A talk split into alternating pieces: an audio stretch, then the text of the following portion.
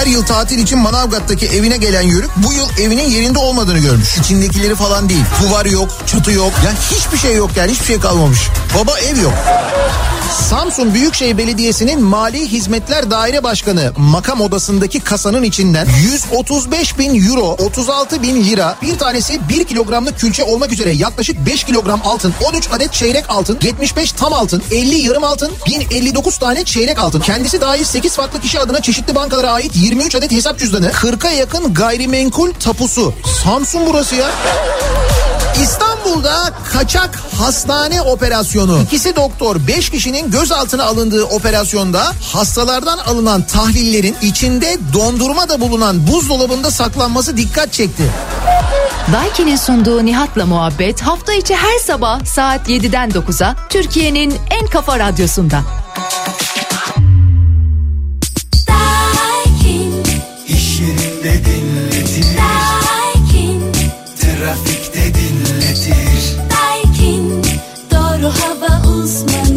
Daiki'nin sunduğu Nihat'la muhabbet başlıyor.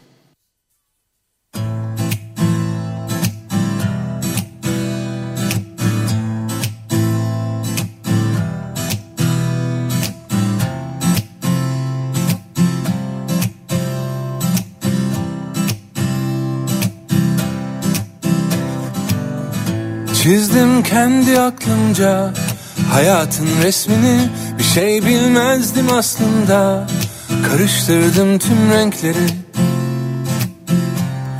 Hata yaptım tabii. Herkes başka bir şeyden kaçırmış kendini. Bazen yaşlı gözlerle kabullenmiş gerçekleri. Bazen memnun gibi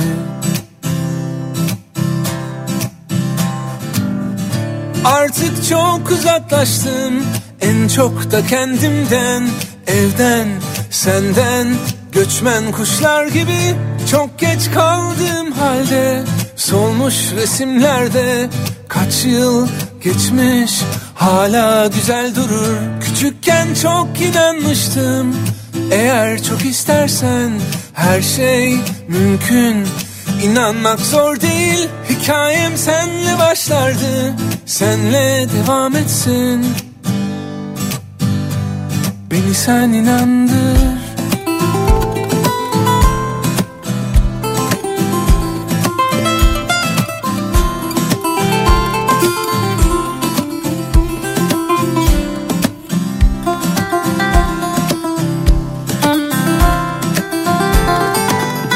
Çizdim kendi aklımca Hayatın resmini Bir şey bilmezdim aslında. Karıştırdım tüm renkleri. Hata yaptım tabii. Herkes başka bir şeyden Kaçırmış kendini. Bazen yaşlı gözlerle Kabullenmiş gerçekleri. Bazen memnun gibi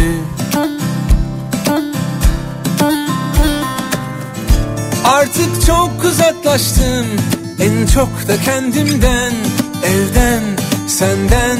Göçmen kuşlar gibi Çok geç kaldığım halde Solmuş resimlerde Kaç yıl geçmiş Hala güzel durur. Küçükken çok inanmıştım Eğer çok istersen her şey mümkün. İnanmak zor değil Hikayem senle başlardı Senle devam etsin. Beni sen inandır.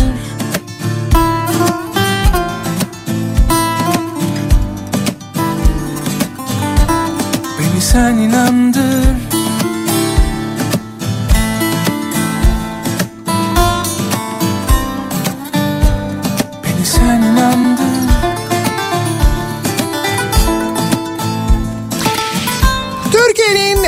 kafa radyosundan, kafa radyodan hepinize günaydın. Yeni günün sabahı ve yeni haftanın başındayız.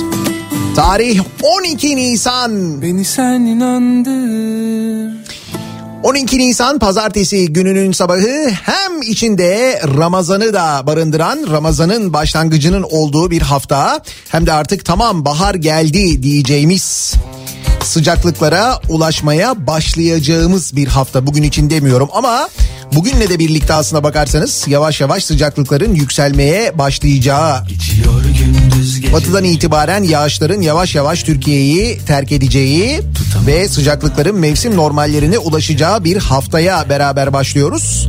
Ki an itibariyle aslında birçok yerde şu anda da yağış var. Hatta bazı yerlerde bu yağışlar kar şeklinde olabilir. Ki gördüğüm kadarıyla Eskişehir, Kütahya, Bilecik, hatta Sakarya, Bolu, Zonguldak, Bartın, Kocaeli'nin bir bölümünde de şu anda yağış var ve bu yağışlar daha epey bir devam edecek gün içinde gibi görünüyor. Kimseye söylemeden Bir yolunu ah içimde külleri sönmeden. Bu arada bu haftanın içinde bir de yeni önlemler olacak gibi görünüyor aynı zamanda. bir bir manzara önümüzde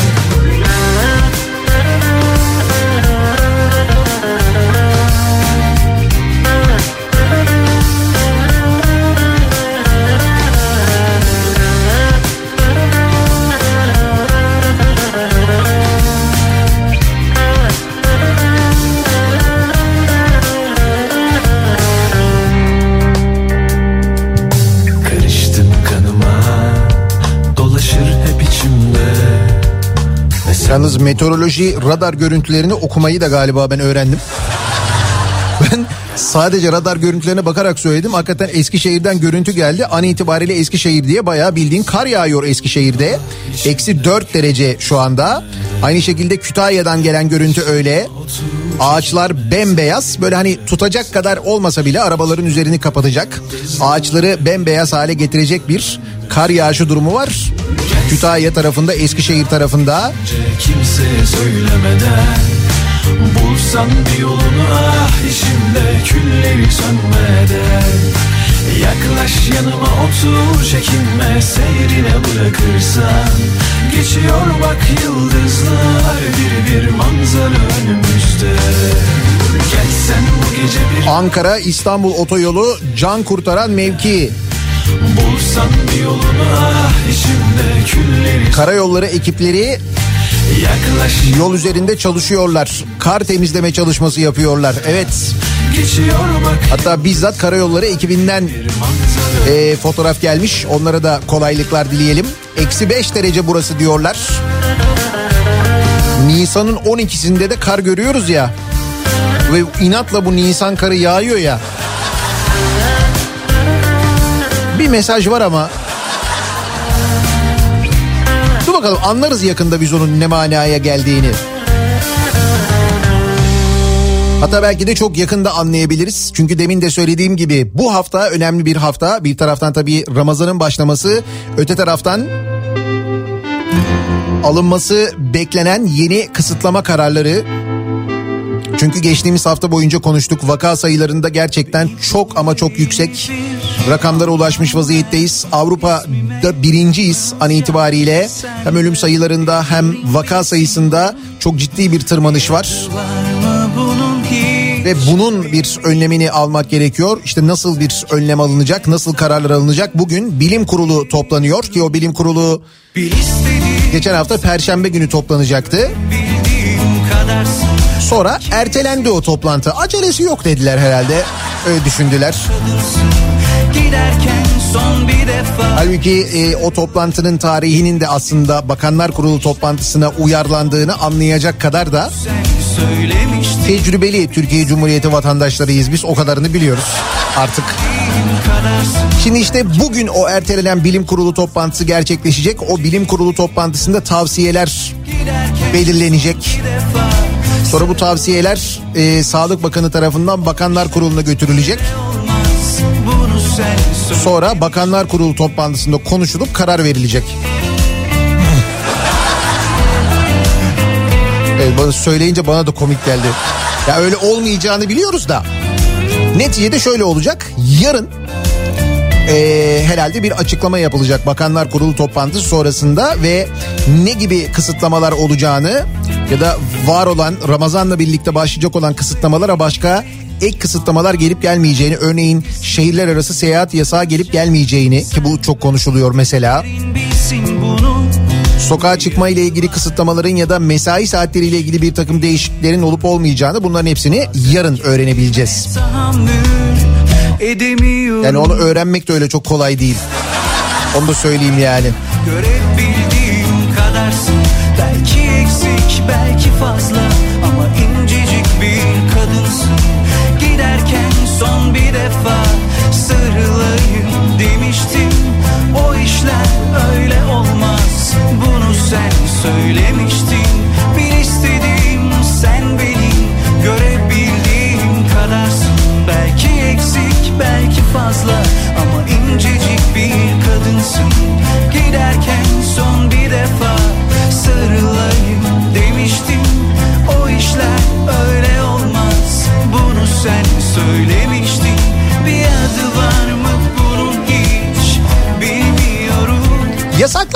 kısıtlamalar demişken e, hafta sonu gelen görüntüler.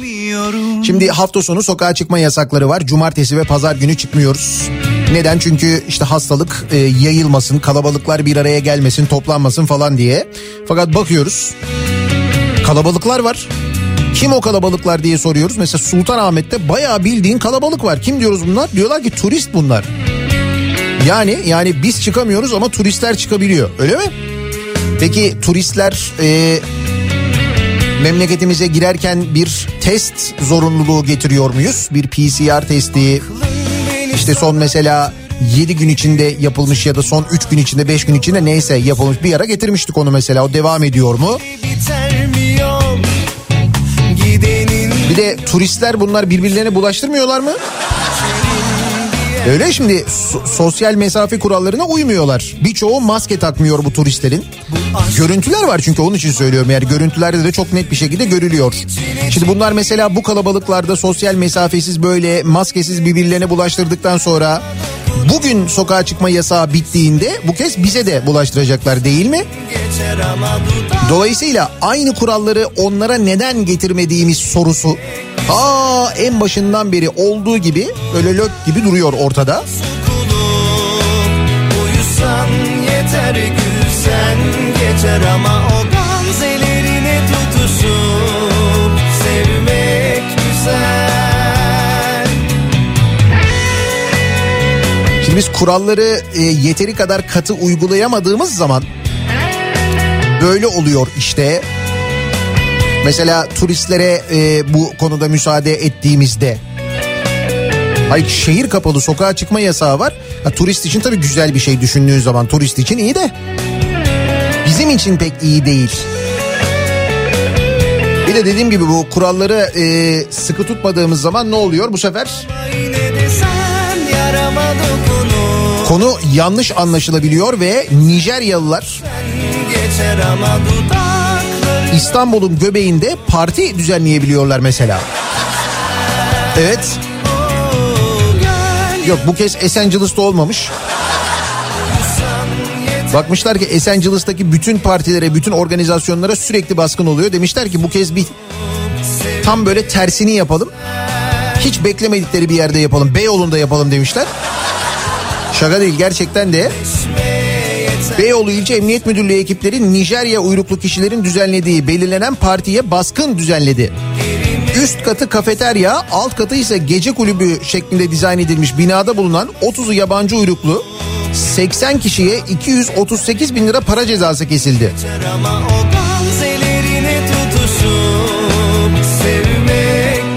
E, 30'u yabancı uyruklu 80 diyor. Demek ki kalan 50 kişi bizden. Nijeryalıları paravan olarak kullanıp öyle yapılmış anladığım kadarıyla. Nijerya uyruklu bir grubun partiyi organize ettiği ve davetiye yoluyla mekana giriş yapıldığı öğrenildi. Şimdi gel 30 kişi Nijeryalı diyelim hani organize etmişler. Kalan 50 kişi niye ilgi göstermiş? Nijeryalıların partisine özel bir ne bileyim ben özel bir dans falan.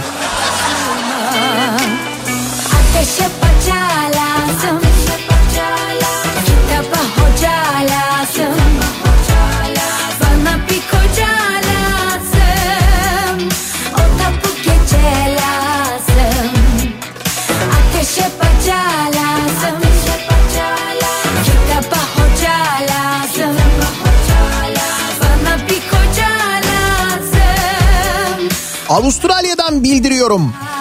Burada hala ülkeye giren herkese test olsun olmasın fark etmeden iki hafta otel karantinası zorunluluğu var. Fiyatı da 3000 dolar bilginiz olsun diyor Hasan. Avustralya'ya giderseniz iki hafta otelde karantinada kalıyorsunuz. Parasını da çatır çatır ödüyorsunuz bu arada. 3000 dolar diyor işte.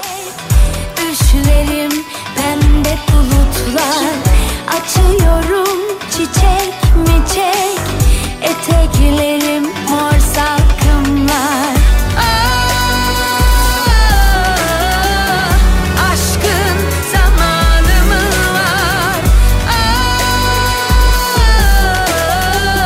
Ah, Eskişehirliler fırsatı kaçırmamışlar. Engin arabanın üzerine yazmış 12 Nisan 2021 Eskişehir diye.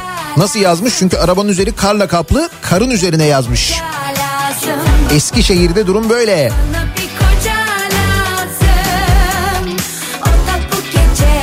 Eskişehir'de durum böyleyken Nisan ayında hava 30-35 derece. Yaz geldi artık her gün denize girmeye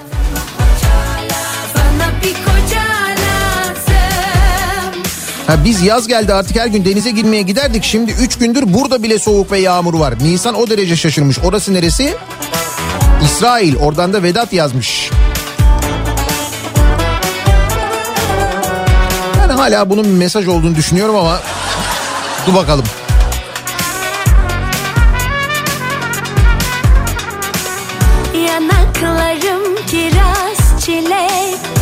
O Dalaman Meteoroloji'den mesaj gelmiş diyor ki her an her dakika meteorolojik destek verilir diyor. Çok teşekkür ederim. Ama dediğim gibi ben böyle sürekli baka baka baka baka artık böyle az çok da olsa hani meteoroloji haritalarından yorum yapmayı öğrendim. Fena değilim en azından ya öyle söyleyeyim yani. Aşkın zamanı mı var? Ateşe baca lazım. Kitaba hoca lazım. Bana bir koca lazım. Biz hafta sonu evlerimizdeyken Ateşe ki çalışmak zorunda olanlar da vardı elbette. Çalışanlar da vardı biliyorum ama biz hafta sonu evlerimizdeyken olan biten yaşananlara şöyle bir göz attığımızda gerçekten yine çok yoğun bir gündem var.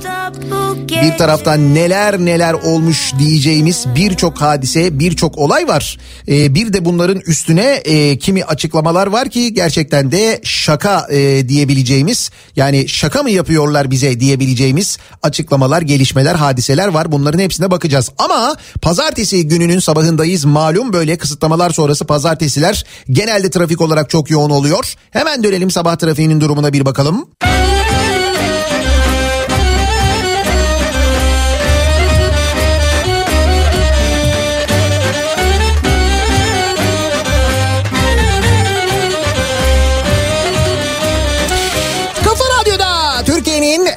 kafa radyosunda devam ediyor. Daiki'nin sunduğu Nihat'la muhabbet. Ben Nihat Sırdar'la pazartesi gününün sabahındayız. Yedi buçuk oldu saat. Tarih 12 Nisan. Kaynana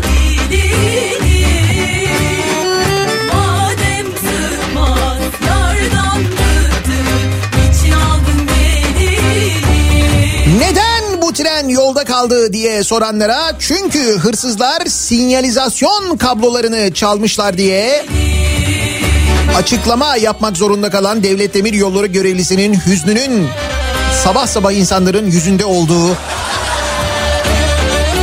Evet gerçekten böyle olmuş. Aydın'ın İncirliova ilçesinde Devlet Demir Yolları'na ait sinyalizasyon ve enerji kablolarını çalan 6 şüpheli yakalandı.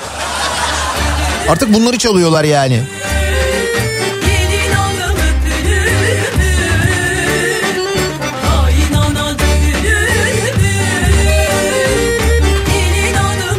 Hırsızlık ve dolandırıcılık konusunda gerçekten de her gün yeni bir fikir, her gün yeni bir yöntemle karşımıza çıkan bu arkadaşlar inovasyonun ne kadar önemli olduğunu hatta dur neyi inovasyonla biliyorduk biz ya öyle bir şey yapıyorduk. Otomobil dolandırıcılarının en son oyunu da şöyleymiş.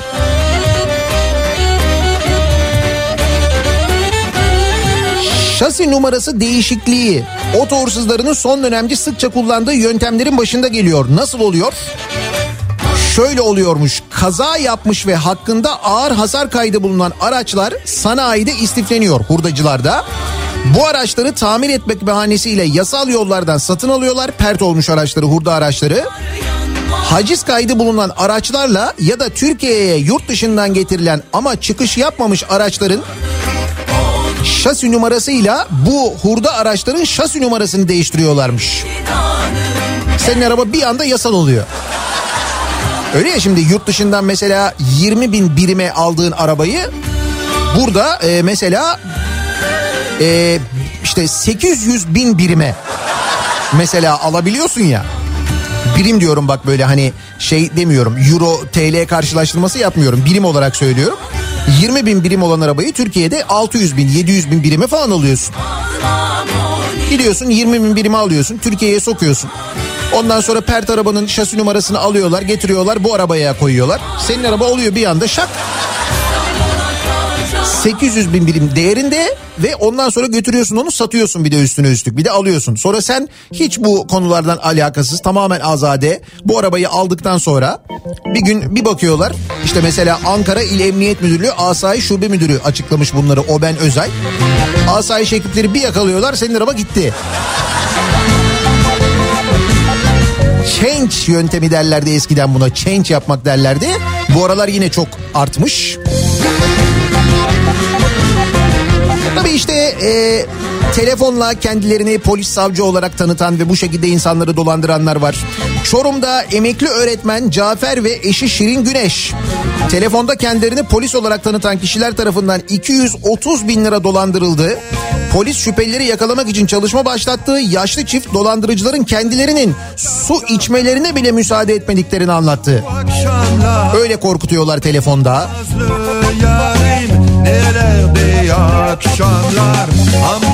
Yalnız bu mesela enteresan bir dolandırıcılık olayı. Ünlü iş adamı Ahmet Uras 2 milyon lira dolandırılmış.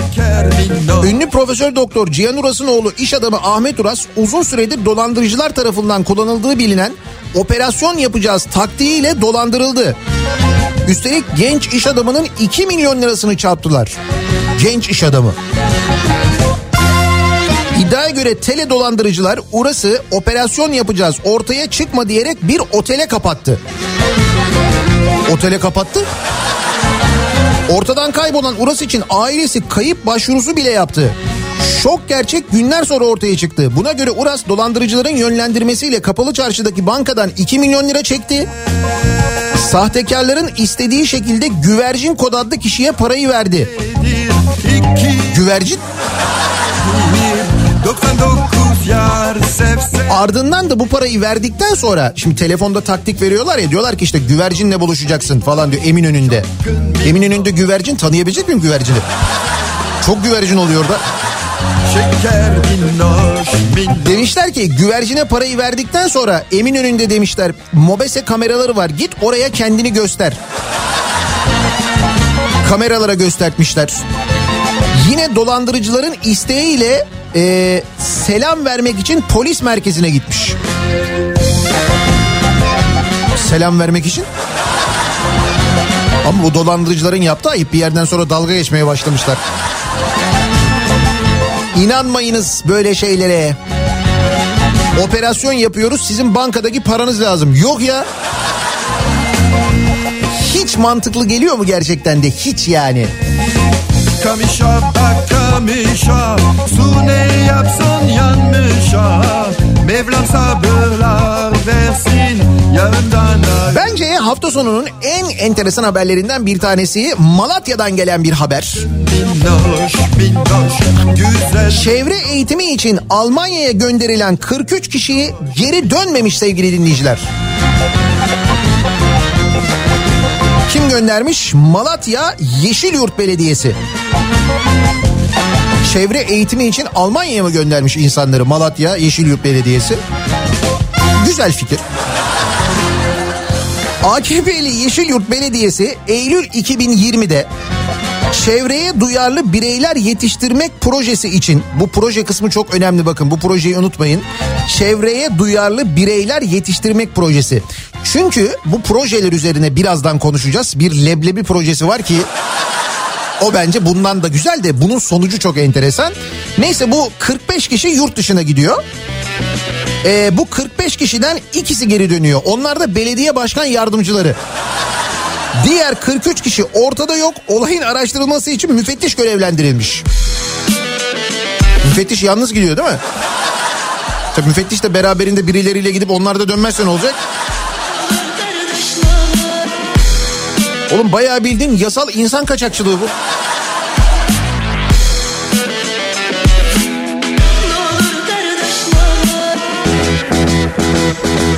Yeşilyurt Belediyesi'nin CHP'li Meclis Grup Başkan Vekili Günnur Tabel'in açıklamaları. Tabel 15-27 Eylül 2020 arasında Malatya Kişisel Gelişim Dünyası Derneği üyelerinin Malatya Kişisel Gelişim Dünyası Derneği üyeleri. Böyle bir dernek mi varmış? Malatya'da neler oluyor ya? Neyse derneği üyelerinin çevreye duyarlı bireyler yetiştirmek projesi kapsamında Almanya'ya gönderildiğini ancak gönderilen 45 kişiden 43'ünün geri dönmediğini açıklamış. Sadece heyette yer alan belediye başkan yardımcıları Şahin Özer ve Bekir Karakuş'un yurda döndüğünü söyleyen Tabel 12 gün süreli gezi için belediye meclisinden onay alındığını söylemiş. Belediye hizmet pasaportu ve vize sağlamış bu kişilere aynı zamanda. Gör- Gördüğün gibi her şey yasal. 45 kişi gitmişler 43 kişi dönmemiş. Peki bunlar kimlermiş? Mesela neden dönmemişler yani Malatya Yeşil Yurt'tan niye oraya gitmişler? Malatya Yeşil Yurt'ta bir şey mi yapıyorlarmış onlara da özellikle gitmek iltica etmek istemiyor. Dönmemişler çünkü adamlar yani ya da kimlerse onlar. Oğlum bayağı büyük hadise aslında biliyor musun? Yani belki de suça karışmış insanlardı da onların çıkmasına belediye vesile oldu. Belki böyle bir şeydi. O da var tabii. Malatya Valiliği açıklama yapmış bu haberler üzerine. Demiş ki e, işte konuyla ilgili müfettiş görevlendirildi. Araştırma devam ediyor. Türkiye'de en güzel konu böyle. Araştırma devam. Araştırma soruşturma devam ediyor konuyla ilgili. Dedim mi bunu? Tamam bitti gitti. Hayır sonucu olmuyor. Bak mesela şöyle örnek vereyim sana. Geçen hafta bir e, konu vardı. E, geçen hafta mı konuşmuştuk? Ondan önceki hafta mı? Hani Kocaeli'nde düzenlenen bir şehir hastanesi tramvay hattı ihalesi vardı. Ulaştırma Bakanlığı'nın yaptığı.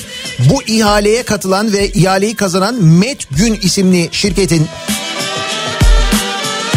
e, ihaleyi kazanmaya yeterli e, yeterlilik kriterlerini sağlamadığı gerekçesiyle mahkeme iptal etmişti bu ihaleyi. Onu konuşmuştuk. Ankara 3. İdare Mahkemesi iptal etmiş. Sonuç Metgün İnşaat e, hala tramvayı yapmaya devam ediyormuş. Yani mahkeme iptal ediyor ihaleyi bizimkiler. Düşün iş o noktaya gelmiş vaziyette. Mahkemeyi sallamıyorlar yani. Sen biz açıklamada diyoruz ki araştırma devam ediyor soruşturma. Eder tabii canım.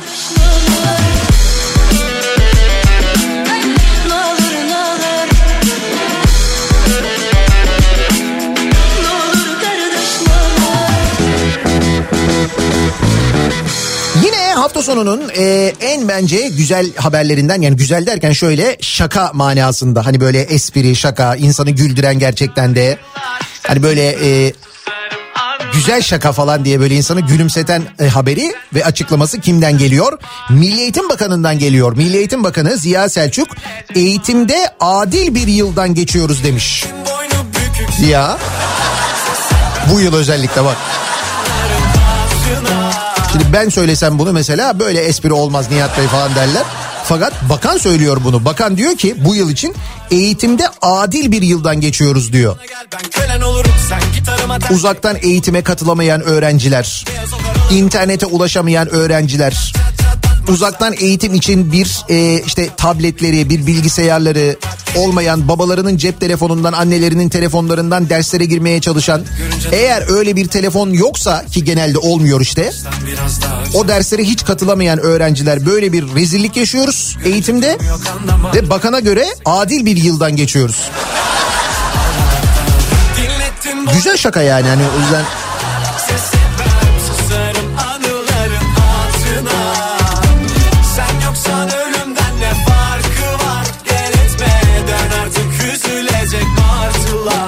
demişken sınav ücretleriyle ilgili insanlar isyan ediyorlar artık haklılar. Pahalı sınav ücretleri ekonomik kriz ortamında zor geçinen ailelerin yükünü artırırken bazı öğrenciler parasızlıktan sınava giremiyorlar. Çünkü sınav ücretini yatıramıyorlar. Çünkü sınav ücretleri öyle böyle değil. Uyansam Mesela üniversite sınavı YKS kelimenin tam manasıyla cep yakıyormuş. YKS'de TYT, AYT ve YDT oturumlarının hepsine girmek isteyen adayların sınav ücreti olarak 270 lira yatırması gerekiyor. Lisansüstü eğitim sınavı için 145 lira ödenirken yabancı dil sınavları pahalılıkta zirvede yer alıyor. TOEFL için 185 dolar. Dolarla. Yabancı dil sınavının ücreti dolarla mı? Konsepte uygun olsun diye herhalde değil mi? Hayır çünkü mesela kağıt Türk. Ya mesela yurt dışında mı basılıyor getiriliyor sorular? Gerçekten bilmediğim için soruyorum. Onun için mi acaba? Hakikaten bunu bilmiyordum ben. TOEFL için 185 dolar 1510 lira ücret ödeniyormuş. Yani bu sorular yurt dışından geliyor falan da ondan dolayı mı böyle dövizle? Bu ne ya? Ha bu arada e, bu sınav ücretlerinin bu yüksekliğinden falan konuşuyoruz bir taraftan ama şunu da unutmayalım. Geçtiğimiz aylarda ÖSYM Başkanı gururla kar eden bir kurum olduklarını ve ne kadar kar ettiklerini açıklamıştı. Ya niye kar ediyorsunuz siz? Kar amaçlı kurulan bir kurum değilsiniz. Siz hizmet için kurulan bir kurumsunuz. Kar edeceğinize o karı indirim olarak yansıtsanıza hatta bu sene bir kıyak yapın mesela. Bu sene bir güzellik yapın. Deyin ki e, ülkemizin ekonomik koşullarından dolayı bu sene üniversite sınavına girecek olan adaylardan ücret almayacağız deyin ya. Sembolik olarak 10 lira alacağız deyin mesela. Yapsanıza böyle bir şey. Lan bir şey değil ben bunu söyledim şimdi TL olan ücretler de dolara dönmesin. Yabancı dil sınavının ücreti dolarlaymış gerçekten ya. Geçen yıl 80 lira olan KPSS ücreti ise bu yıl henüz açıklanmamış o hala belli değil. Bir de KPSS var biliyorsun. Sorularının önceden birilerine verilip verilmeyeceğinin asla belli olmadığı. Ki bence artık o duvar yıkıldı. Çoktan geçti o. Adamlar kablo çekmişler kablo. Soruları al götür birilerine ver falan değil yani. Direkt böyle soru merkeziyle kablo çekmişler aralarında. Soluna kalp sürgüne ve herkes kendi yoluna güvenemiyorum yok böyle bir esaret düşman başına anlamadım ki halimden nasıl inanayım farkın yok ki zalimden ben niye konuşayım TOEFL online yapılıyor. Kağıt yok. PC üzerinde sadece. TOEFL'ı yapan yabancı bir şirket. O yüzden mi 185 dolarla şey yapıyor ama ÖSYM ödüyormuş parayı nasıl oluyor? İnsanım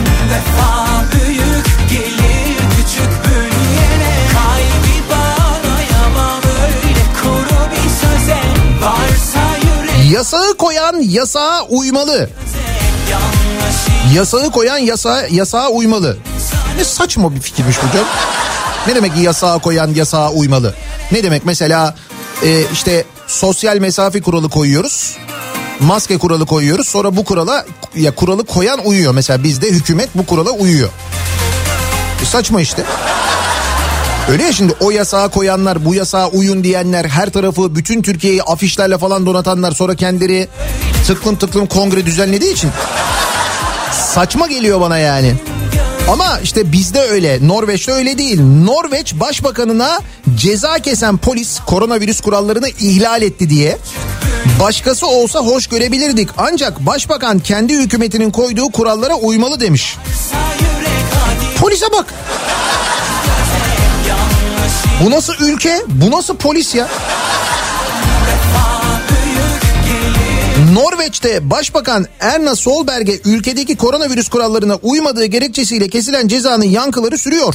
Şubat ayında 60. yaş gününü bir kayak merkezinde kutlamış. Partiye Solberg'in ailesinden 13 kişi katılmış 13. Ancak o dönemde geçerli olan kurallara göre salgın sebebiyle 10 kişiden fazlasının bir araya gelmesi yasakmış. 3 kişi fazlaymış yani. Polis Solberg'e 20 bin kron yaklaşık 19 bin TL para cezası kesildiğini açıklamış. Polis müdürü Ole Saverut bir de polis müdürü yapıyor bu açıklamayı bak. Benzer durumlarda bazen hoşgörü gösterip ceza kesmediğimiz oluyor. Ancak bir başbakan hükümetin koyduğu kurallara uymak zorunda. Yasalar hepimiz için. Dolayısıyla kamuoyunun güvenini sağlamak için ceza kestik açıklaması yapmış. Onun dünyası böyle aşka gelir. Sen bir gidin. Bir gidin sabah sabah insanın asabını bozmayın böyle ülke mi olur? Oyunbaz. Bunlar ülkede gündem yok diye canları sıkıldığı için ülkenin devlet televizyonunda uzun süre şömine görüntüsü yayınlamış bir ülke biliyor musun? Norveç. oynayacak. Halbuki bak bize Elazığ Belediyesi'nde koronaya rağmen yüzlerce kişiyle ikinci yıl tanıtım programı yapıldı. Görüntü var bayağı bildiğin lebalep. Bak kongreler mongreler bitti ha. Bu yeni yani bu. AKP'li Elazığ Belediyesi. Elazığ Belediyesi'nde böyle bir şey yapıyor. AKP'li olması önemli değil ki. Elazığ Belediyesi böyle bir şey yapıyor öyle diyelim. Yolları Yüksek riskli illerden olan Elazığ'da uyarılara rağmen Elazığ Belediye Başkanı Şahin Şerifoğulları tarafından iki yılda yaptıkları icraatleri anlatmak için özel bir otelin kapalı salonunda ikinci yıl tanıtım programı düzenlendi. Baya böyle kalabalık yani ciddi ciddi tıklım tıklım bir toplantı. Mesela bu toplantı online yapılamaz mıydı? Pekala yapılabilirdi. İflah olmaz Mum gibi durur yorulmaz oyunbaz Norveç'ten Elazığ'a geçince biraz sert oldu değil mi? Onu ben de fark ettim ama Peki ne oldu aşı? Asıl soru o. Aşı nerede? Mayıs sonuna kadar 100 milyon doz gelecekti değil mi? En son öyle bir 100 milyon rakamı çıkmıştı. Bakan demişti ki Mayıs sonuna kadar 100 milyon aşı gelecek Türkiye'ye. Yeni rakam kaç olmuş biliyor musunuz? Yeni rakam 40 milyon. Sağlık Bakanı daha önce Mayıs sonuna kadar toplam 100 milyon doz ulaşmasını bekliyoruz açıklaması yapmıştı. Ancak son kullandığı ifadeler rakamın revize edildiğini göstermiş. Koca Haziran'a kadar 40 yaş üstü nüfusun aşılanacağını söylemiş. 40 ila 60 yaş arasındaki yaklaşık 20 milyon kişiye gerekense 40 milyon doz. Dikkat çeken rakamlar toplumsal bağışıklığı da akıllara getirmiş. Uzmanlar eşiğin %70 olduğunu belirtirken 40 yaş üstü nüfus toplam nüfusun sadece %38'ini oluşturuyor bu arada. Yani o toplumsal bağışıklık için de yetmiyor. Ancak işte 100 milyon doz denilen aşının da 40 milyon geleceği anlaşılıyor. Üstelik Çin aşısı ile ilgili tartışmalar var. Bilmiyorum onu takip ettiniz mi? Hem de açıklama bu kez Çin'den geliyor.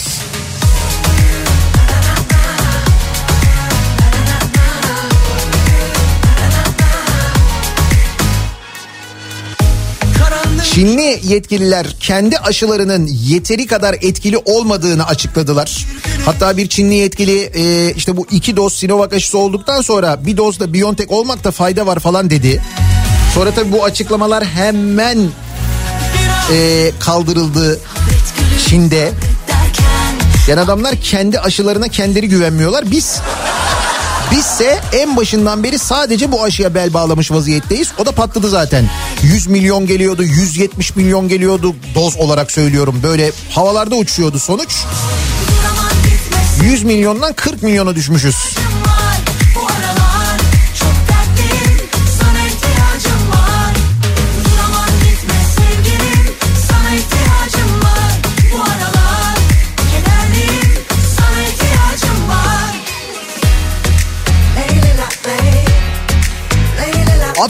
Söküldü, soruşturma açıldı.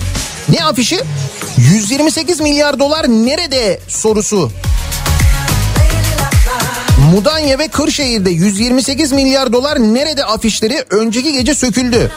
Soruşturma başlatan savcılar afişlerde saray silüetinin bulunmasını Cumhurbaşkanı'na hakaret olarak değerlendirdi.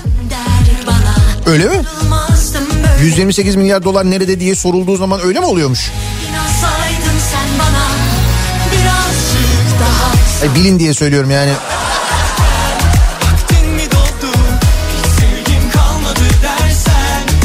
Şimdi bütün bunlar olurken bütün bu e, işte şimdi bu kapanma yeniden konuşuluyor. Yeniden böyle daha bir geniş kapanma olabilir ki restoranları zaten biliyorsunuz neredeyse kapattılar. Birçok restoran geçtiğimiz cuma günü son kez servis yaptı.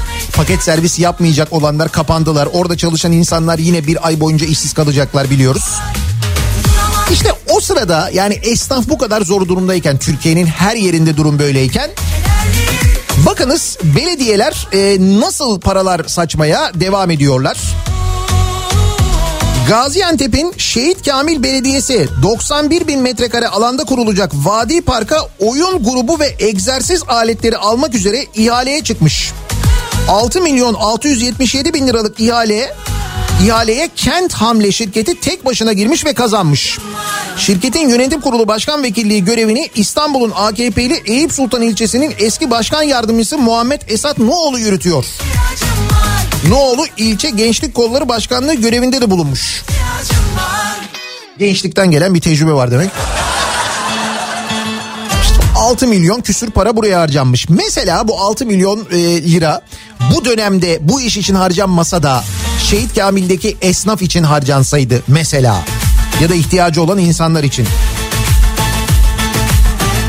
Bursa Osman Gazi Belediye Başkanı Mustafa Dündar'ın geçen yıl 106.200 lira ödediği ve UNESCO'dan aldığını iddia ettiği çakma ödülün tanıtımı için ki hatırladınız mı bunu? UNESCO'dan ödül aldığı, UNESCO'dan ödül aldığı Bursa falan diye işte Bursa Osman Gazi diye böyle Özledim birçok yerde böyle ilanlar çıkmıştı. Hatta bu ilanlar yanlış hatırlamıyorsam Ankara'da da çıkmıştı değil mi? Bursa'da ya Bursa'nın Osman Gazi ilçesi hesapta UNESCO'dan alıyor ki UNESCO değilmiş o sonradan onun yalan olduğu ortaya çıktı. UNESCO'dan ödül alıyor ama bunu e, Ankara'da 110 billboard kiralayarak duyuruyor. Ankara'ya neyse. İşte o tanıtım faaliyetleri için de yani o ödül için bir 106 bin lira ödemişler. Bu bunun tanıtım faaliyetleri için de kendi açıklamasına göre 200 bin liraya yakın bir para ödenmiş. Üstelik ödül UNESCO'dan da değil. Ödül de çakma bu arada yani. Mesela burada da 300 bin lira söz konusu. Bu 300 bin lirayla Bursa'da Osman Gazi'deki kaç tane esnafın dükkanı kurtulurdu mesela? Şimdi en başta dedim ya projelerden bahsettim size. Proje önemli diye. Şimdi bir proje var. Bu da Çorum Belediyesi'nin bir projesi. Ee, projenin ismi şöyle. Leblebi'de farklı kavurma koşullarında oluşan fiziksel ve kimyasal değişimlerin belirlenmesi ve üretim süreci optimizasyonu. Bu projeye maddi destek sağlıyormuş da e, Çorum Belediyesi. Ki Çorum Belediyesi'ni hatırlayınız. E, bu arada bu projeye 15 bin lira destek veriyormuş Çorum Belediyesi. Daha önce hatırlayın e, bu Payitaht dizisinde padişaha leblebi yedirmişlerdi değil mi? Bir Çorum sahnesi geçmişti ona da para ödemişlerdi. O bundan daha yüksek bir rakamdı. Halbuki mesela leblebinin gelişmesi için bir proje varsa ona daha çok para ayırmak lazım değil mi? Ama proje güzel yani fikir Şimdi demek ki demek ki bu dönemde esnaf olarak da vatandaş olarak da e, para kazanabilmek için ya da bu tür belediyelerden yardım alabilmek için böyle projeler geliştirmek gerekiyor.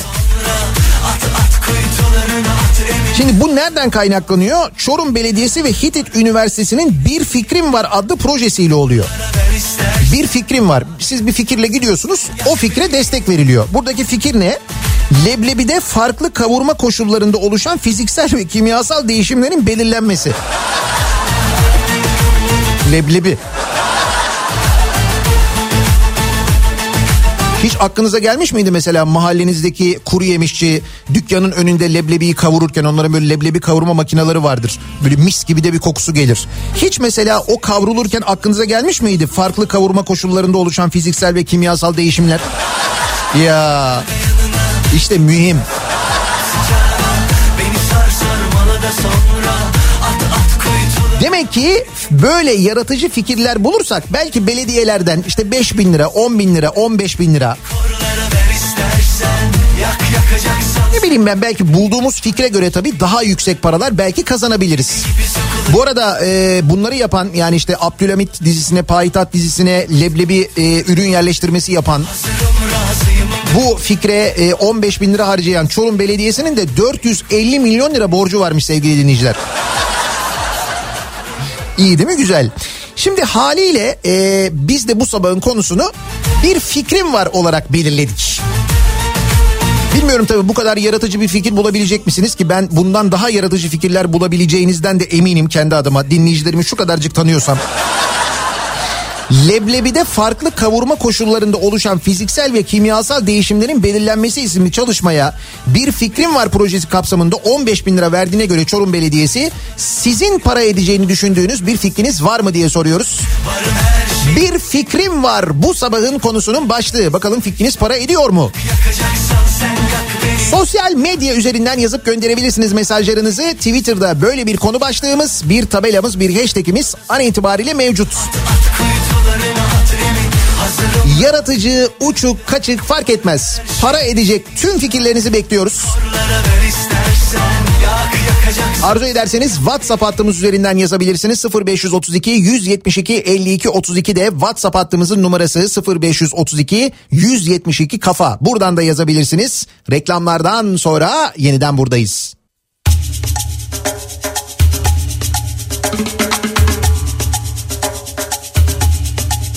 Kafa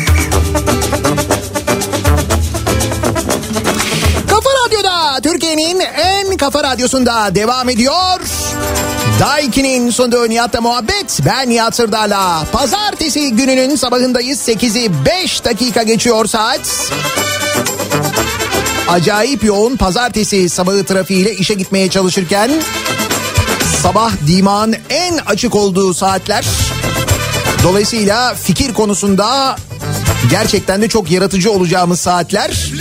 Bir fikrim var bu sabahın konusu. Neden? Çünkü Çorum Belediyesi bir fikrim var projesi kapsamında Leblebi'de farklı kavurma koşullarında oluşan fiziksel ve kimyasal değişimlerin belirlenmesi isimli çalışmaya 15 bin lira destek vermiş. Sizin para edeceğinizi düşündüğünüz bir fikriniz var mı diye biz de dinleyicilerimize soruyoruz. Bir fikrim var bu sabahın konusu. Kısa kız annem de azıcık boydan Kısa kız annem Hop ninayı Şimdi şu TOEFL konusu ile ilgili az önce sordum ya ben bilmiyorum dedim çünkü gerçekten sınava da katılmadığım için. TOEFL sınavının ÖSYM ile alakası yok. Haberi yazan arkadaş araya onu da sıkıştırmış. Tamamen yabancılar yapıyor demiş. Doğru şimdi haberi okuduğunuz zaman onun da ücreti ÖSYM'ye yatılıyormuş, yatırılıyormuş gibi anlaşılıyor ki ben de öyle anladım zaten. Öyle değilmiş. O yüzden onun fiyatı dolarlaymış. Ama aslında sınav ücretlerinin e, dolarla olması da fena fikir değilmiş. Öyle ya kağıt dolarla, mürekkep dolarla onlar hep ithal geliyor. ÖSYM ne yapsın? Şimdi bakalım fikirler geliyor. Heh. İzmir'den Sinan Tuzcu'dan geldi fikir. Sinan e, İzmir'de Son Yaz dizisini çekiyor. İzliyorsunuzdur belki. Diyor ki e, İzmir'in benim diyor bir fikrim var. E, İzmir'in çeşitli nahiyelerinde mesela Çeşme'de e, anason tohumu kavurmadaki farklı yöntemleri ve bu yöntemlerin uluslararası karşılıklarını hani yurt dışına da satarız belki projeyi onun için söylüyor. Fena fikir değil anason. Memleketimizde yetişiyor çünkü biliyoruz.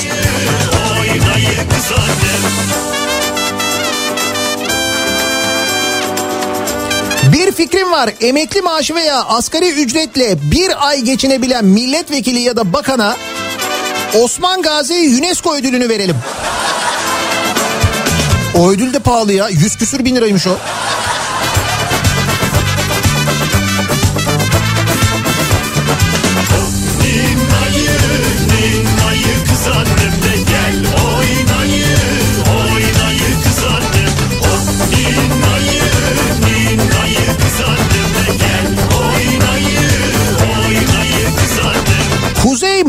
Otoyolu'nun ek maliyetleri sahipsiz kalmış. Benim bir fikrim var. Maliyetleri halk olarak biz sahiplenelim. İşletme hakkı da dolara endeksli olmak üzere halkta olsun. Geçiş garantili 25 yıl bitince size veririz. Öyle mi? Biz mi alalım diyorsunuz işletmeyi? Ne olmuş? Şöyle bir şey olmuş sevgili dinleyiciler. Söz konusu olan rakam bu arada 2.1 milyar dolar.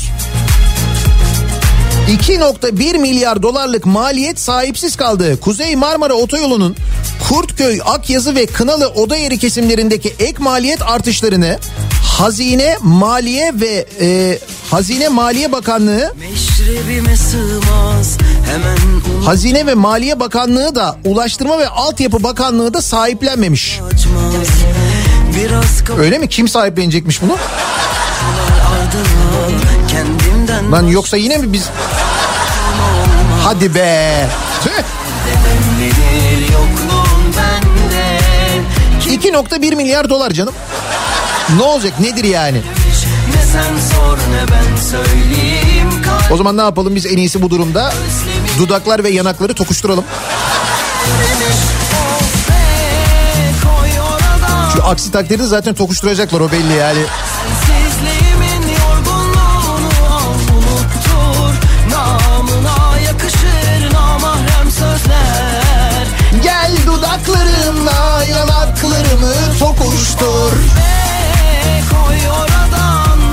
Orta Biraz gerçekten 2.1 milyarı duyunca bir tokuştu yani. Ben daha beterini söyleyeyim size. Hayır söyleyeyim yani çünkü e, ben söylemesem de göreceksiniz. Çiğdem Toker bugün Kanal İstanbul'daki garanti ücretleri yazmış. Ya Kanal İstanbul'da da garanti var. Hadi buyur. Gerçi Çiğdem Toker'de kim ki yazıyor bunları? Bırakacaksın Hakan Ural. Hakan Ural Kanal İstanbul'u yazsın anlatsın ondan dinlesin insanlar. Hiç.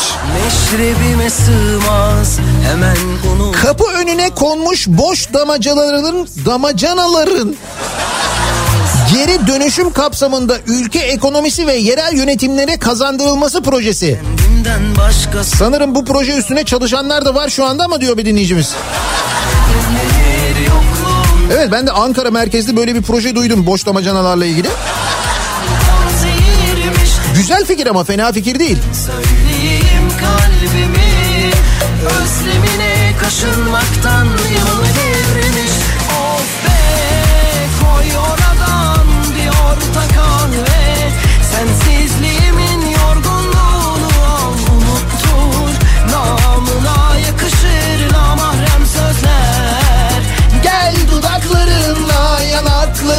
tokuştur.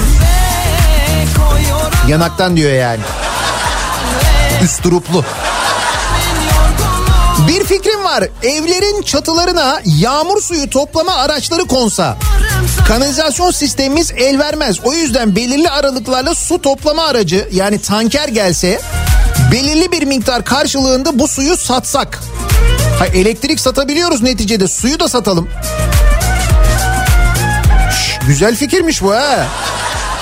Düşün sen mesela kuruyorsun bir site mesela TOKİ Düşün zaten araziyi TOKİ'den almışsın yapıyorsun. Ha bak bu arada TOKİ demişken ben hemen size TOKİ ile ilgili bir haber de vereyim. Mesela bu proje için olabilir. Bir dakika hemen geliyorum oraya. TOKİ'li çok böyle güzel bir haber var da. Heh. Aydın'ın Bozdoğan ilçesinde sokağa çıkma yasaklarında TOKİ için 200'e yakın zeytin ağacının kesilmesi vatandaşları isyan ettirdi. Cumartesi pazar sokağa çıkma yasağı var ya işte o sokağa çıkma yasağında Aydın Bozdoğan'da Yenice mahallesinde 200'e yakın zeytin ağacı belediye ekipleri tarafından kesilmiş. Bozdoğan'ın AKP'li belediye başkanı Ufuk Altıntaş basın mensuplarına yaptığı açıklamada bölgede TOKİ konutlarının yapılacağını söylemiş. Bu arada bölgeyi bir görmeniz lazım. Yemyeşil zeytin ağaçları TOKİ yapılıyor. TOKİ'ye oradan geleceğim. İlçemiz Yenice mevkiinde TOKİ projemiz var. Belediye olarak kurumlardan izinleri aldık. Ağaçları kesmiyoruz. Oradan söktüğümüz ağaçları başka bir arsaya dikiyoruz demiş.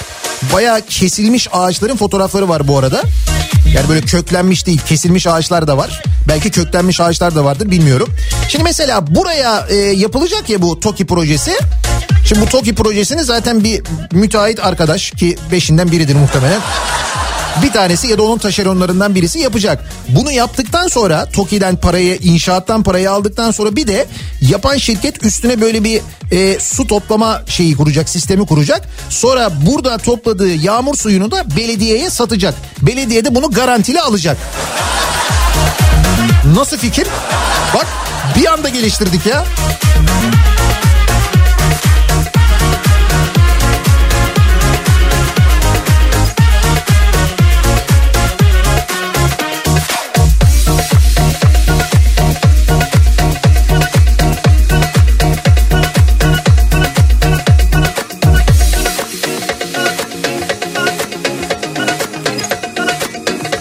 Ben dedim size çok yaratıcı fikirler gelir diye. Leblebi projesi neymiş ya? Benim fikrim alo dolandırılıyor muyum? Telefonda para istendiğinde arıyorsunuz dolandırılıp dolandırılmadığınızı öğreniyorsunuz. Dakikası 100 lira. Nasıl?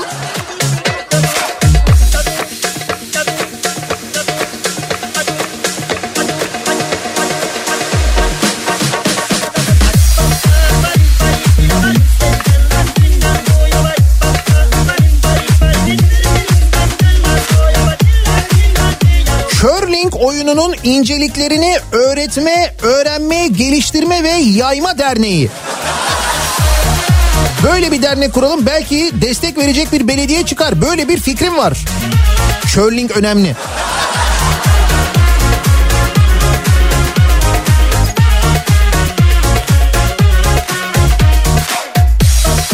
Yalnız bir fikrim var konusu kapsamında senin fikrin de güzelmiş. Milletin fikirlerini öğrenip bunu belediyelerden paraya çevireceksin değil mi diyor Ali? Ali büyük oyunu gördü. Ee, bakalım pudra şekerinin insan kafasında yarattığı tahribatı araştırma projesi. Aa, bak bu da fena fikir değilmiş. Bu da olabilir yani. En az leblebi projesi kadar bence yaratıcı. Çoban kavurmayı soğanla mı yapsak, soğansız mı yapsak e, üzerine bir çalışma gerçekleştirilebilir. Böyle olmaz. Yani ismi böyle olmaz. Bunu biraz daha teknik isimlendirmeniz lazım. Bak ne diyorum ben sana leblebi projesi diyor muyum? Leblebide farklı kavurma koşullarında oluşan fiziksel ve kimyasal değişimlerin belirlenmesi diyorum. Dükkanın önünde mi kavursak, dükkanın içinde mi kavursak? Mesela bu koşullar bile leblebinin lezzeti üzerinde etkili olabilir mesela.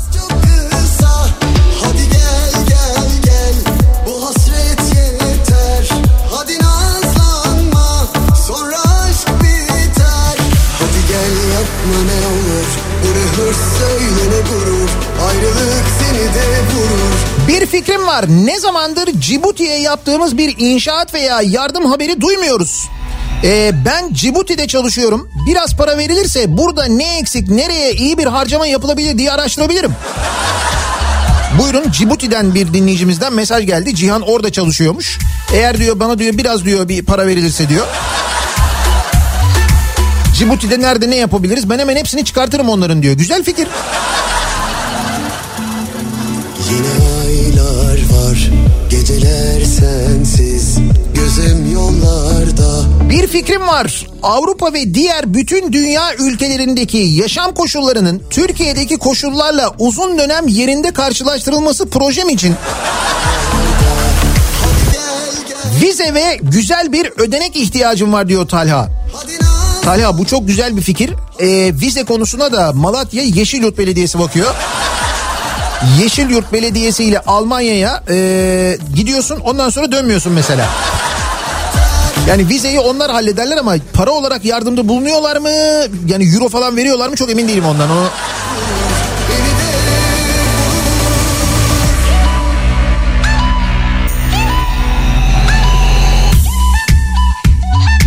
fikrim var. Daha itibarlı araç bulma çalışmaları. Bu kadar ucuz araba olamaz. Ne arabası ya?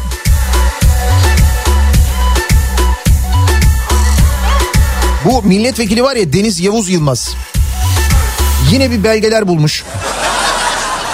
Yine bir belgeler paylaşıyor. Cumhurbaşkanlığı için temin edilen ikinci Mercedes'in bilgileri diye bir fatura daha paylaşmış. Hani geçen hafta konuşuyorduk ya bir tane Mercedes S600 Guard alınmıştı. Ee, bir, bir tane daha alınmış. iki olmuş bunlar.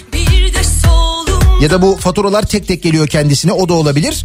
474.950 euroya alınmış. Mercedes S600 Guard. Şundan adam gibi seviyor 474.950 euro. Kaç para yapıyor TL olarak?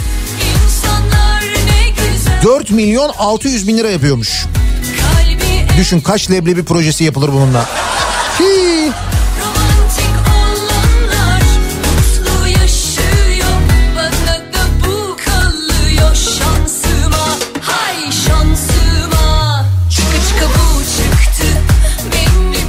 Kayseri pazarlığı yapma teknikleri ve Türkiye ekonomisindeki etkileri isminde bir fikrim var.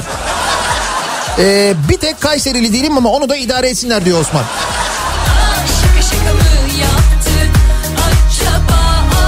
Merkez Bankası rezervlerini yatay olarak görerek rezervleri arttırma projem var diyor Arda. En azından A Haber yanımızda olur. Belediyeyi bilemem de. Hakikaten rezervleri yüksek göstermek için o tekniği niye kullanmıyoruz? Güzel fikir. Bravo. Bir fikrim var. Dikey çekimle yatay çekim arasında oluşan mutasyonlu virüsün kimliğini soruşturma ve geliştirme projesi.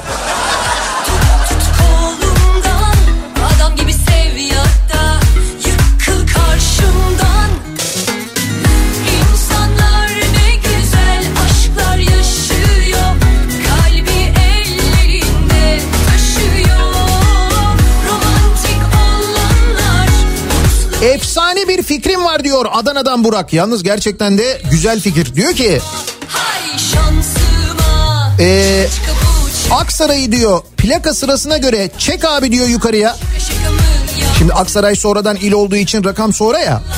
Onu diyor çek diyor yukarıya diyor. Al diyor yukarıya diyor. Mesela ne oluyor o zaman sıraya göre baktığımız zaman Adana 1 oluyor Aksaray 2 mi oluyor? Öyle oluyor galiba değil mi? Ya da ne oluyor? Neyse yani yukarıya alıyorsun onu olması gereken yere alıyorsun. Dolayısıyla ne oluyor? Kaydı mı diyor bütün iller? Araç başı plaka yenileme ücreti 100 lira. Hoba paraya bak. Aa, hakikaten güzel fikir ha düşünsene.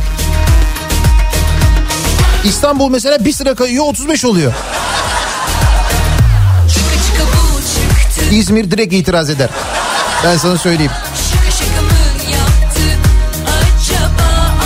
Leblebi ile Lebaleb'in ilişkilerinin korona üzerindeki etkilerinin araştırılması projesi. Böyle bir fikrim var. Avrupa'ya eğitim ya da iş için gönderilen bireylerin geri dönmeme ihtimaline karşı bileğe takılan takip cihazı. Nasıl fikir? Ee, Malatya Yeşilyurt Belediyesi alır bunu. Yani bu fikri alır yani.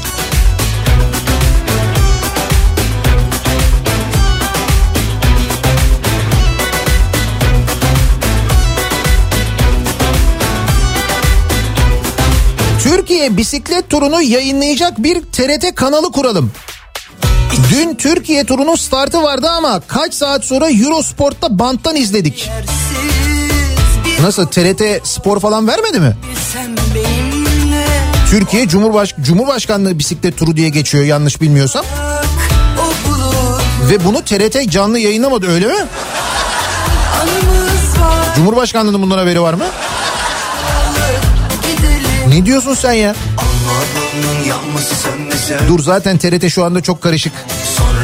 TRT'nin ana haber spikeri fena patlamış vaziyette o Sedat Peker mevzundan.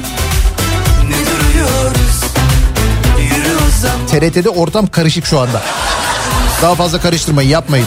Ama gerçekten e, bu Türkiye bisiklet turunu e, TRT hakikaten canlı yayınlamadı mı ya? Yani TRT Spor'da en azından.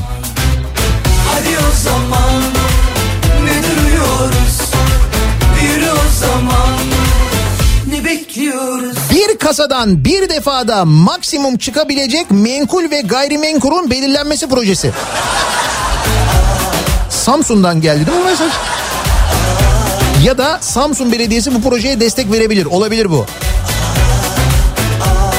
Denizli'den Ali göndermiş. Diyor ki uzmanlık alanım leblebiler ve makinaları. Beni de yazın diyor.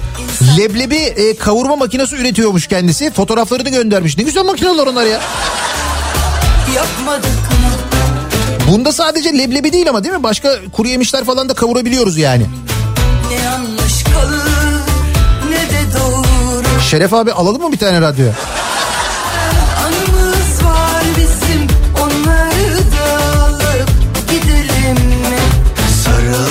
Yoksa bu fikirleri Mickey Mouse mu istedi?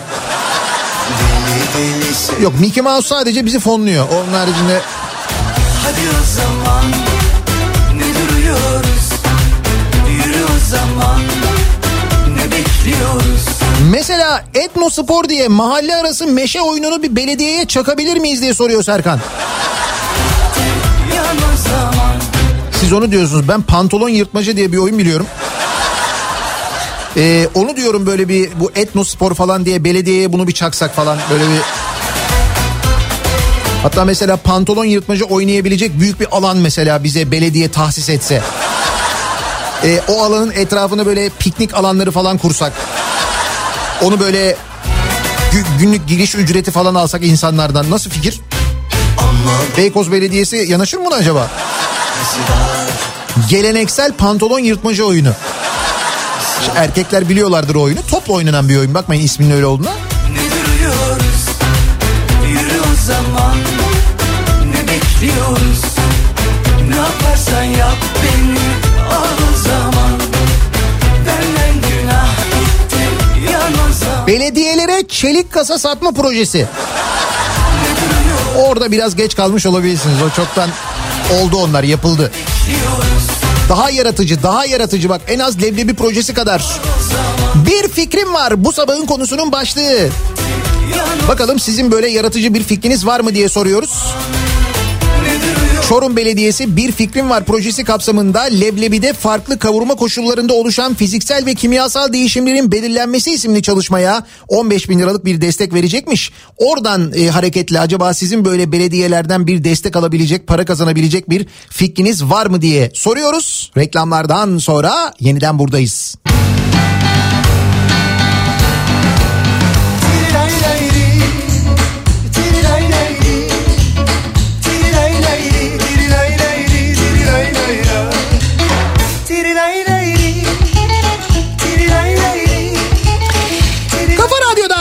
Türkiye'nin en kafa radyosunda devam ediyor.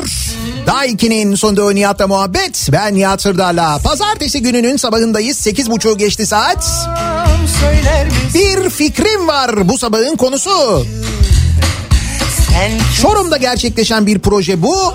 Çorum Belediyesi Bir Fikrim Var projesi kapsamında Leblebi'de farklı kavurma koşullarında oluşan fiziksel ve kimyasal değişimlerin belirlenmesi isimli çalışmaya mesela 15 bin lira destek sağlıyormuş. Bunun gibi yaratıcı bir fikriniz var mı? Para edecek bir fikriniz var mı? Acaba belediyelerin destek vereceği diye soruyoruz. Çorum leblebisini yedikten sonra vücuttaki fiziksel ve kimyasal etkileriyle çıkan gazın optimizasyonu projesi. Nasıl? Ama bu saatten sonra Çorum'dan bence destek çıkmaz zor. Onu söyleyeyim.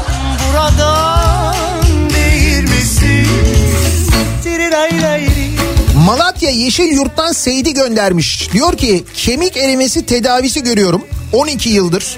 Aşıda da öncelikli değilim. Acaba bizim belediye başkanlığına başvursam yurt dışına aşı olmaya gönderirler mi? Ayrıca Yeşil Yurt mutlu insanların şehri sloganını kullanıyormuş. Yeşil Yurt mutlu insanların şehri ama Almanya'ya heyet gönderiyorlar 45 kişi. Sadece belediye başkan yardımcıları geri dönüyor. Diğer 43 kişi geri dönmüyor. Yani bunlar mutluydu. Sen bizdensin. Tirilay lay. Tirilay lay. Tirilay lay. Tirilay lay. Tirilay lay lay. Tirilay lay. Ağızda leblebi tozu varken ağızda şapırdatma tekniklerini geliştirme projemle ödüle talibim. Hakikaten bak bu leblebi tozu ile ilgili birçok fikir üretilebilir ha. Leblebi tozu mesela ağızdayken metin okuma yarışmaları falan bunu da Çorum Belediyesi'ne.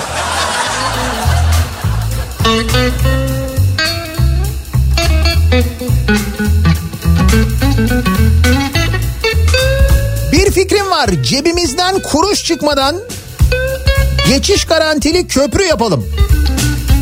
Yapıldı mı? O zaman yolcu garantili havaalanı yapalım. O da mı yapıldı? Hasta garantili hasta. O da mı ya? Hatta gemi garantili kanal yapıyoruz hocam sen ne diyorsun? Bugün Çiğdem Toker yazmış. Bu Kanal İstanbul'daki garantileri yazmış. Orada da garanti var.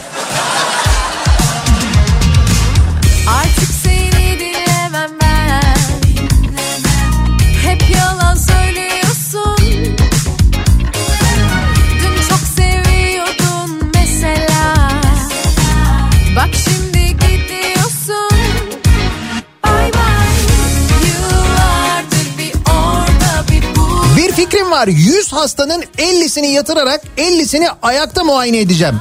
Bakalım Covid açısından bir fark olacak mı? Takip ücreti olarak PCR testi, hastanede bir gün konaklama, 1 litre artı 4 gram C vitamini, yarım saat oksijen inhalasyonu dahil hasta başı 1000 lira ödenek yeterli olur. Mukayeseli Covid araştırma projesi diyor doktor.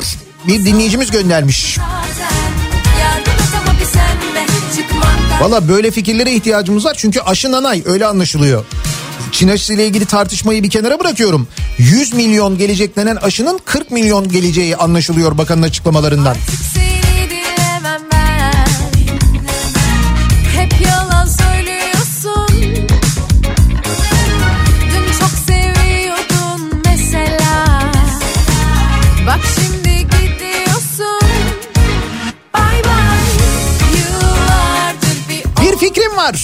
Aşılanmamış ortamda sınıfta 20 ila 30, koridorlarda 200 ila 400 öğrencinin bir arada bulunarak eğitime devam etmesinin salgının yayılımı üzerine etkisinin incelenmesi projesi.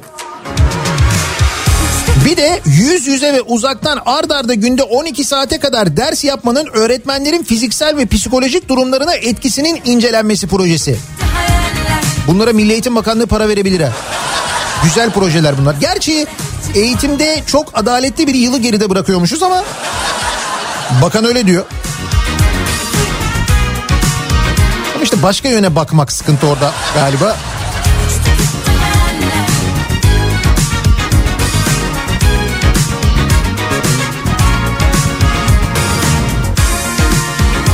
Benim projem Türkiye Futbol Federasyonu'ndan destek almak için.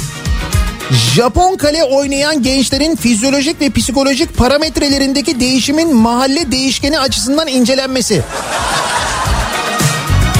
İzmit'ten Yeşim göndermiş. Yeşim bravo ya. Bir kere isim zaten acayip havalı çok böyle bilimsel görünüyor. Futbol Federasyonu, Japon kale, Japonya ile ilişkilerimiz gelişir. Baktım Futbol Federasyonu buna para vermedi. Direkt Japonya Büyükelçiliği ben sana söyleyeyim. Hemen. Bilet aldım Japon kale ya Türkiye ile Japonya arasındaki okunmamış kültürel çalışmalara destek için olmaz mı? Bence olur güzel fikir yani. Alınmayan selam gibi gel İkimiziz bir tek güzel Diğerleri çirkin Ateş çıkar senin tenime değdiği zaman Sen aşkı oyun mu Pamuk üretiminde güneş ışınlarının farklı yansıtılmasıyla renkli pamuk üretilip üretilemeyeceğinin araştırılması projesi. Adana Be- Belediyesi. Ben düşünüyorum hangi belediyeden e, bu konuda yardım alabilirsiniz diye aynı zamanda. bir mektubun içinde kaldım alınmayan selam gibi gel Nihat Bey az önce bahsettiğiniz yağmur suyu toplama ile ilgili depolu sistemler var. Ben biliyorum canım o sistemleri. O sistemlerin çok faydalı sistemler olduğunu da biliyorum. Kesinlikle kullanmamız gerektiğini de düşünüyorum. Hatta bence önümüzdeki 10 yılda 20 yılda bu sistemlerin mecbur hale geleceğini ki bazı e, yasalar çıkıyor bununla ilgili. Öyle olacağını da tahmin ediyorum da ben orada topladığımız suyu belediyeye acaba hani bir miktarını en azından yakar Gecelerimi beni çocuk mu sandın Gel gel günahı boynuma Dargın mıyız yoksa Şivril Belediyesi'ne fatura edilebilecek yemek çeşitlerinin belirlenmesi projesi. Doğal olarak Şivril Belediyesi herhalde buna katkıda bulunuyor. Güzel fikir. Ama ben onu denedim Ankara'da olmuyor onu söyleyeyim. Birçok çeşit yemek de denedim. Eh. Ben yazdıramadım Çivril Belediyesi'ne yani.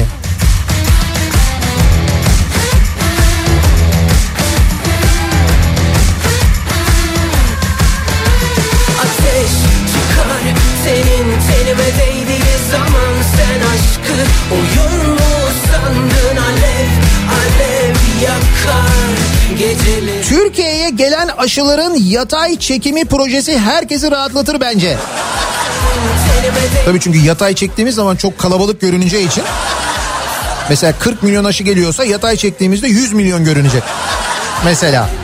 beni çocuk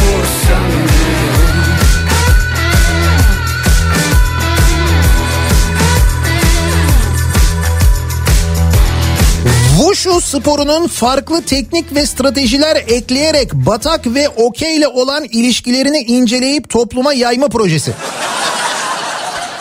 Bir dakika bu okey oyunu ile ilgili benim çok projem var. Orada beni yemeyin yalnız rica edeceğim. Yayının başında bahsettiğim şu e, ikinci el araçla ilgili dolandırıcılık hadisesi var ya. Ya bir tane video paylaştım. E, izlediniz mi bilmiyorum. Şimdi Otokoç ikinci el e, böyle kısa kısa videolar hazırlamış. Bu ikinci el araç satışında başınıza gelebileceklerle ilgili. Benim paylaştığımı ben en çok onu beğendim. Şimdi bu ikinci el araç almak kadar satmak da gerçekten çok büyük mesele. Çünkü birçok sorunla birçok sıkıntıyla karşılaşabiliyorsunuz. İşte benim bahsettiğim videoda öyle oluyor mesela. İşte getir de bir aracı görelim falan diye gidiyorsunuz ya da aracı görmeye gelelim diye. Birileri geliyor mesela böyle bir tırsıyorsunuz. Birader bir tur atarız değil mi arabayla bir tur atalım ver bakalım anahtarı falan. Şimdi vermesen... Ee, abi ben de sizinle geleyim. İşte burada ne yapmak lazım? Burada mümkün olduğunca güvenilir yerlerle bu işi yapmak lazım. İşte Otokoç ikinci el aracınızı da alıyor aynı zamanda. tutarım Aracınızı satmak istiyorsanız Otokoç ikinci elde satabiliyorsunuz. Nasıl oluyor? Otokoç2el.com web sitesine giriyorsunuz. Orada online değerleme modülü var. Onu kullanarak aracınızın değerini belirliyorsunuz, öğreniyorsunuz. Sonra e, showroomlara showroomlarından birine gidiyorsunuz Otokoç'un. Web sitesi üzerinden ekspertiz randevusu alabiliyorsunuz. O randevuyu alıp showroomlardan birine gidiyorsunuz. Orada ekspertiz yapılıyor. Sonraki bütün işlemleri sizin adınıza zaten otokoç yapıyor. Aracı değerinde alıyor. Gün içinde ödeme sağlıyor. Yani bir gün içinde ödemesini alıyorsunuz. Her yaştan araç alımı yapıyor bu arada Otokoç ikinci el haberiniz olsun. Yani dolayısıyla burada böyle bir paramı alır mıyım alamaz mıyım bir şey olur mu olmaz mı gibi bir tereddütte olmuyor aynı zamanda. Ama hakikaten o video güzel olmuş. Instagram'da hikayelerde paylaştım oradan izleyebilirsiniz. Nihat SDR yazınca Instagram'dan ulaşabilirsiniz bana.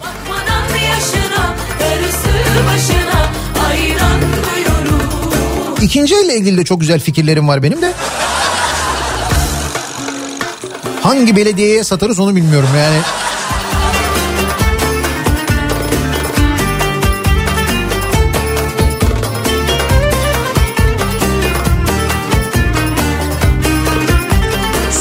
Soğansız soğanlı menemenin toplumu ayrıştırarak verdiği tahribatın araştırılması projesi. Vedat Milor ne yapmak istemektedir?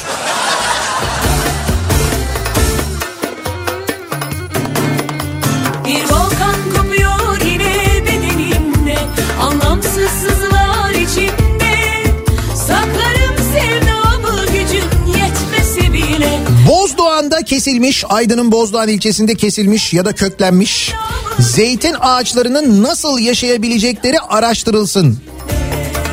Memleketimde maalesef bu yaşandı. Gönül isterdi ki sizi sizinle pide çeşitlerimizi konuşalım diyor. Bozdoğan'dan bir dinleyicimiz göndermiş de. Ki bilirim Bozdoğan'ın pidesinin ne kadar güzel olduğunu. Bozdoğan'daki Mikado muydu? Pideci. Herhalde biliyorum.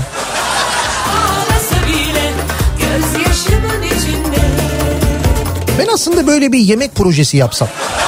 Bak şimdi böyle bir anda yemek deyince aklıma geldi. Üstelik bir belediye değil mesela yüzlerce belediye. Düşünsene sizin neyiniz meşhur diye gidiyorum. Bir yandan yayın yapıyorum bir yandan yiyorum.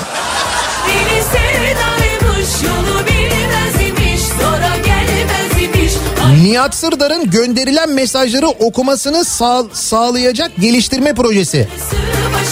Mesaj başı 10 dolar diyor İzmir'den Çağlar. Güzel fikir. Ücretli mesajları daha önce okurum mesela.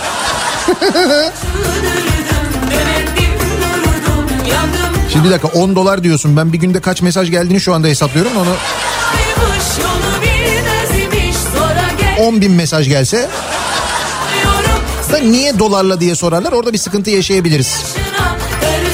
Başına var bu sabahın konusu. Belediyelerden destek alabilecek, para kazanabilecek fikirler arıyoruz. Reklamlardan sonra yeniden buradayız.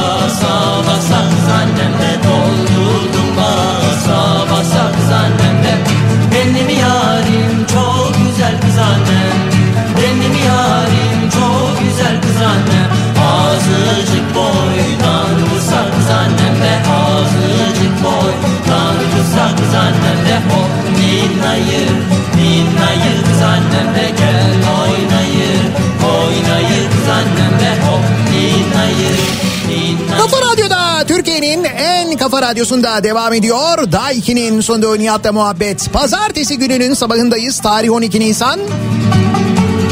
9'a yaklaşıyor saat. Bir fikrim vardı bu sabahın konusu. Çorum Belediyesi'nin düzenlediği bir fikrim var yarışmasından ilham aldık. Belediyelerden para alabileceğimiz, yardım alabileceğimiz projeniz var mı diye sorduk dinleyicilerimize. Antep fıstığının farklı kavurma koşullarında oluşan fiziksel ve kimyasal değişimlerin belirlenmesi projesi. Antep fıstığının fiyatının leblebinin en az iki katı olduğunu düşünürsek en az 30 bin lira isterim diyor dinleyicimiz.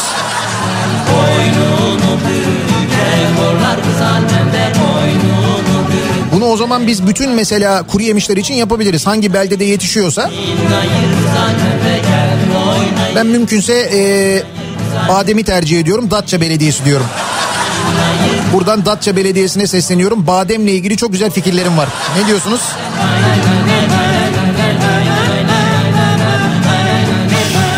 Yayınımızın sonuna geliyoruz. Mikrofonu Kripto Odası'na devrediyoruz. Güçlü Mete Türkiye'nin ve dünyanın gündemini son gelişmeleri sizlere aktaracak. Bu akşam 18 haberlerinden sonra yeniden bu mikrofondayım. Eve dönüş yolunda sizlere eşlik etmek üzere Sivrisinek'le birlikte yeniden görüşünceye dek sağlıklı bir gün, sağlıklı bir hafta geçirmenizi diliyorum. Hoşçakalın.